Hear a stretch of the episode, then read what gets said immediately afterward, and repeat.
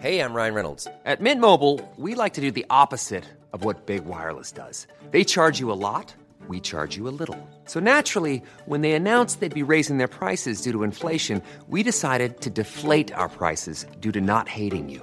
That's right. We're cutting the price of Mint Unlimited from $30 a month to just $15 a month. Give it a try at mintmobile.com slash switch. $45 upfront for three months plus taxes and fees. Promo rate for new customers for limited time. Unlimited more than 40 gigabytes per month. Slows. Full terms at mintmobile.com.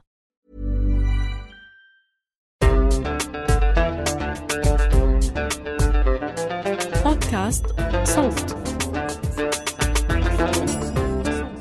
سعت اللجنة الملكية لتحديث المنظومة السياسية في مخرجاتها إلى إعادة إدماج الشباب في العمل الحزبي وأقرت السلطة التشريعية قانونا جديدا للأحزاب. يرى الحزبيون الأردنيون أنه يضع العراقيل أمام تشكيل الأحزاب. فما الذي يمنع المواطن الأردني للانضمام إلى الأحزاب؟ مشكلة أي دولة في العالم التشرذم الحزبي.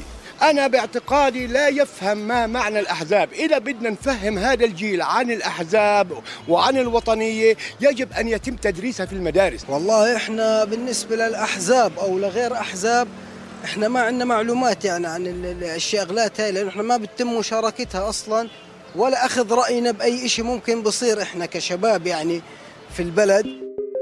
أظهرت نتائج الهيئة المستقلة للانتخاب أنه 25 حزب سياسي شاركوا في انتخابات الإدارة المحلية من أصل ما يقارب 55 حزب سياسي مرخص. اتنوعت المشاركة ما بين مرشحين لمجالس البلديات ومجالس المحافظات وأعضاء لمجلس أمانة عمان. للمرة الأولى حصد عشر مترشحين عن ثلاثة أحزاب سياسية مقاعد رئاسة بلديات وفق نتائج تقرير راصد لمراقبة الانتخابات المحلية. حظي حزب الائتلاف الوطني الوسط الإسلامي وزمزم سابقاً بخمس مقاعد لرئاسة البلدية.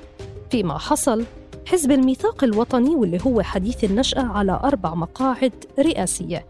حزب الشباب الوطني الأردني أيضاً حصد على منصب رئيس بلدية واحد. لكن السؤال اللي بنحاول الإجابة عنه خلال هالحلقة ما مدى وصول الأحزاب إلى البلديات ومجالس المحافظات بشكل فعلي؟ هل ترشحت الأحزاب وفق برامج حزبية ونجحت بناء عليها؟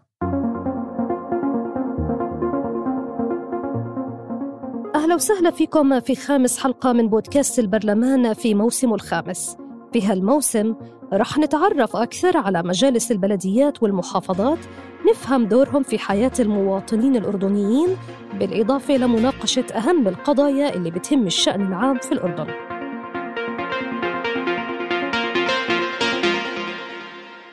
في دراسة لبرنامج راصد لمراقبة الانتخابات حول توجهات الأحزاب الأردنية للانتخابات البلدية ومجالس المحافظات وأمانة عمان بينت أنه ما يقارب 11% من الأحزاب راضين بشكل كبير عن القانون وما يقارب 54% راضين بشكل متوسط وما يقارب 4% راضين بشكل ضعيف و31.5% غير راضين عن قانون الإدارة المحلية لعام 2021 كان أيضا رأي للأحزاب بالمال السياسي في هالدراسة فأظهرت النتائج أنه ما يقارب 76% من الأحزاب بيشوفوا أنه المال رح يلعب دور سلبي خلال الانتخابات و18.5% أنه لن يكون للمال أي دور. الحزب الديمقراطي الاجتماعي هو أحد الأحزاب اللي أعلنت مشاركتها في الانتخابات الأخيرة. اتوجهنا إلى أمينه العام والعين جميل النمري اللي وضح لنا أن مشاركة الحزب اتأثرت بالبيئة المحيطة. وأن المرشحين ما خاضوا حملتهم الانتخابية تحت اسم الحزب لكن خاضوها باسمهم الشخصي لكن بأطروحات وأفكار الحزب. الأمر اللي بيثير تساؤلات حول فعالية الحزب ودوره في الانتخابات. حقيقة نحن يعني كنا واقعيين جدا في التعامل مع هذا الموضوع. يعني أولا عممنا على جميع الفروع للحزب بأن نبلغ من يريد أن يترشح. يعني ما ضغطنا على حدا أنه يترشح لأنه بنعرف الظروف الواقعية للترشح في المحافظات. اللي كان بشوف أنه وضعه العشائري البيئة المحيطة تتيح له يترشح. وكان في عنا أكثر يعني البعض اعتبر أنه ليس لديه مشكلة أن يترشح باسم الحزب. البعض قال أنه يريد أن يترشح ولكنه لا يرى مفيدا له إعلان ترشحه باسم الحزب.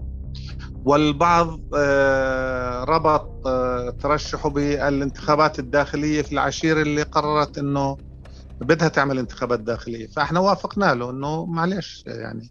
العين جميل النمري هو أيضا أحد أعضاء اللجنة الملكية لتحديث المنظومة السياسية. أضاف ووضح لنا أن القانون اللي استبق التوصيات اللي خلصت لها اللجنة الملكية ليس ضمن الطموح المطلوب حزبيا. أنا بقول كانت مشكلتنا مع قانون الإدارة المحلية أنه استبق توصيات لجنة التحديث السياسي. لأنه من بين اللجان المشكلة كان هناك لجنة للإدارة المحلية.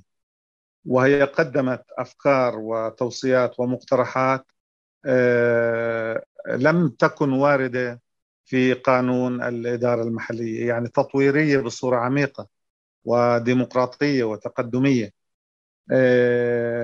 هذه الأفكار لم تجد طريقها إلى القانون لأنه القانون كما قدمته الحكومة أصبح بين يدي مجلس النواب قبل أن تبدأ لجنة التحديد السياسي أعمالها ومجلس النواب أقر القانون تقريبا كما جاء من الحكومة. وبذلك وجدنا أنفسنا نجري انتخابات بقانون لا يشكل جزءا من رؤية مشروع التحديث السياسي.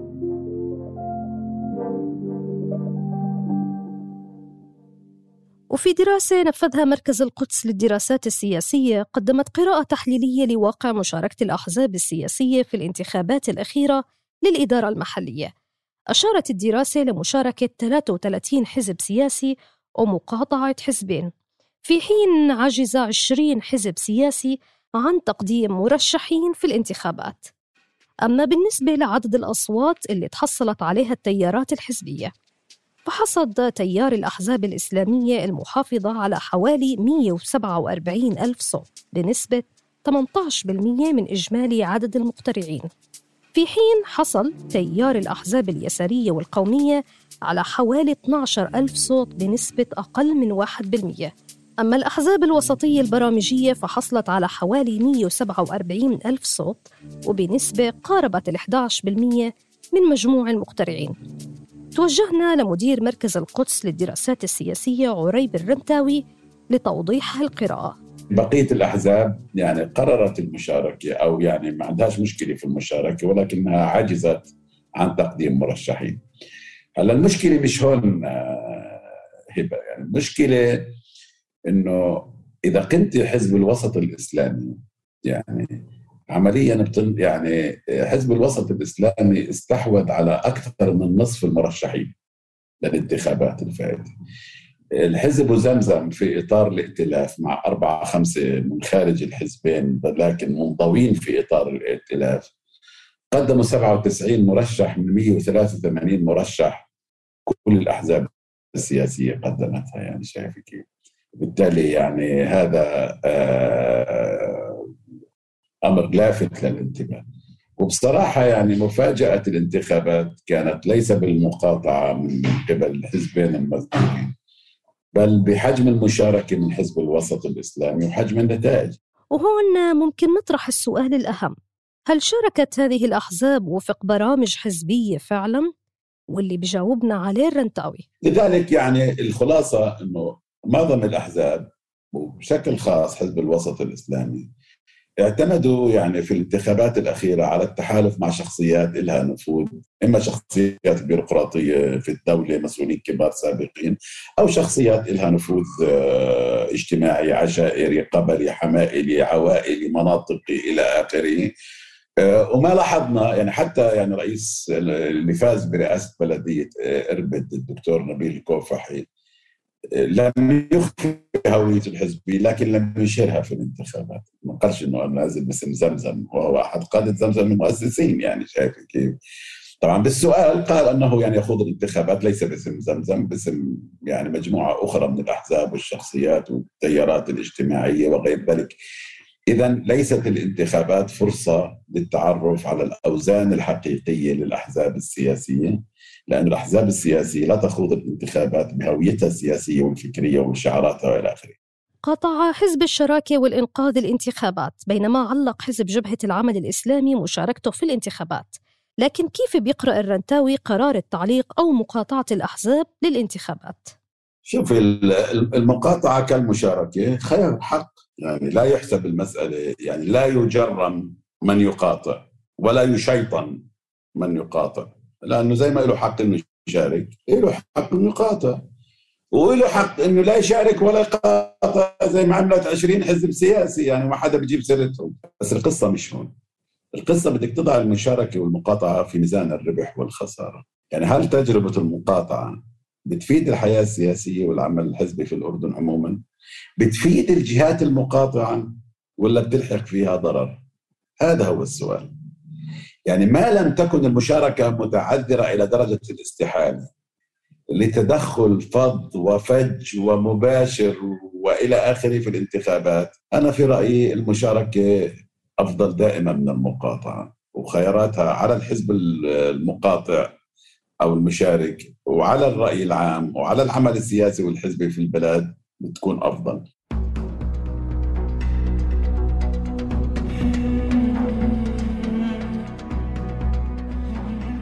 في قرار إعلان حزب جبهة العمل الإسلامي تعليق مشاركته في انتخابات الإدارة المحلية أرجع الحزب قراره إلى تراكم الممارسات السلبية من قبل الجانب الرسمي واستمرار نهج الإقصاء والتضييق والاستهداف السياسي بما يقوض البيئة المناسبة للمشاركة السياسية على حد قوله. تواصلنا مع أمين عام حزب جبهة العمل الإسلامي مراد العضايلة لحتى نفهم تفاصيل قرار التعليق آنذاك ورؤيتهم لقانون الإدارة المحلية الأخير. الحقيقة التعليق جاء بعد قرار سابق بالمشاركة يعني الحزب قد أعلن مشاركته أو يعني قرر مشاركته يمكن شهر ثلاثة العام الماضي ولكن الحقيقة التطورات التي لحقت آه، يعني أظهرت ظروف ومناخات تؤشر على أن أننا ذاهبون إلى تزوير الانتخابات كما حصل في 2007 وكان هناك مؤشرات على هذا حجم المناخ الحريات الضغوطات التي تمارس وطبعا فيما بعد ظهر هذا يعني بوضوح وجلي في انتخابات النقابات نقابة المهندسين والزراعيين وغيرها من النقابات تدخل سافر واضح مكشوف للأجهزة الأمنية في تزوير الانتخابات والعبث بها ولذلك الحقيقة آه، كان هذا المناخ هو الذي دفع باتجاه تعليق هذه المشاركة آه، في الانتخابات البلدية بمعنى كان في قرار مشاركة علق هذا القرار وأوقف لا يرى العضايلة أن مشاركة الأحزاب في الانتخابات الأخيرة كانت حقيقية أو تعبر فعلا عن برامج حزبية. الحقيقة يعني أنا أضع علامة استفهام على أن يقول الحزبيين. الحزب هو الذي يترشح في برنامجه السياسي ورؤيته الخدمية والبرامجية التي يقدمها للناس. ويعلن الناس أنا حزب فلاني وأنا بمثل الجهة الفلانية. لكن أن يعني ينام الشخص يعني مستقلا ويصحو بعد النتائج أنه حزبي هذا الحقيقة مش شغل انتخابات ولا هو حديث عن تنمية سياسية. التنمية السياسية الحقيقية انه يعني يترشح الإنسان وفق برنامجه ورؤيته ويعبر تعبيرا صادقا عن حزبه ومشروعه السياسي والخدمي للناس. أما الحقيقة الذي يجري إنه يعني بيكون في ناس مرشح عشائري بعضهم يتم ضمه بعد الانتخابات إلى تلك الأحزاب وبعضهم قبيل الانتخابات بأيام دون أن يعلن للناس ولا يعرف أنه حزبي. هذا الحقيقة الكلام الحقيقة لي فقط لي حتى عندما تذهب التقارير لجهات غربية ومانحة يقال أنه أي نعم في عندنا حزبيين شاركوا. مع أن في تقديري أن عدد نسبة الحزبيين اللي ترشحوا لانتخابات وأعلمت بهم وزارة الشؤون السياسية هو أقل بكثير من من ترشحوا في الانتخابات 2017 الانتخابات المحلية في تلك الدورة.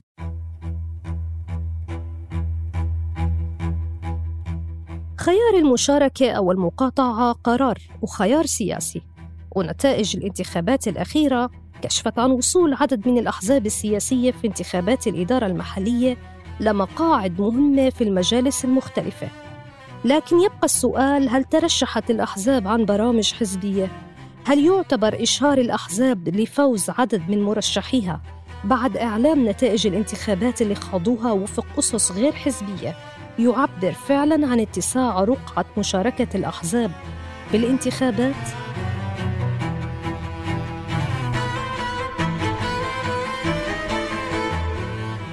في ختام هالحلقة من بودكاست البرلمان هاي تحيات فريق العمل. تيسير قباني من الهندسة الصوتية. من التحرير عمر فارس. بحث ديانا عاروري وأنا هبة عبيدات من الإعداد والتقديم. بودكاست البرلمان من إنتاج صوت.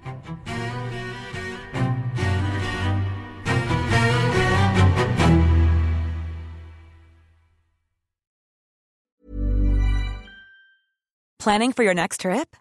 Elevate your travel style with Quince. Quince has all the jet setting essentials you'll want for your next getaway, like European linen, premium luggage options, buttery soft Italian leather bags, and so much more. And is all priced at 50 to 80% less than similar brands. Plus, Quince only works with factories that use safe and ethical manufacturing practices. Pack your bags with high-quality essentials you'll be wearing for vacations to come with Quince. Go to quince.com/pack for free shipping and 365-day returns.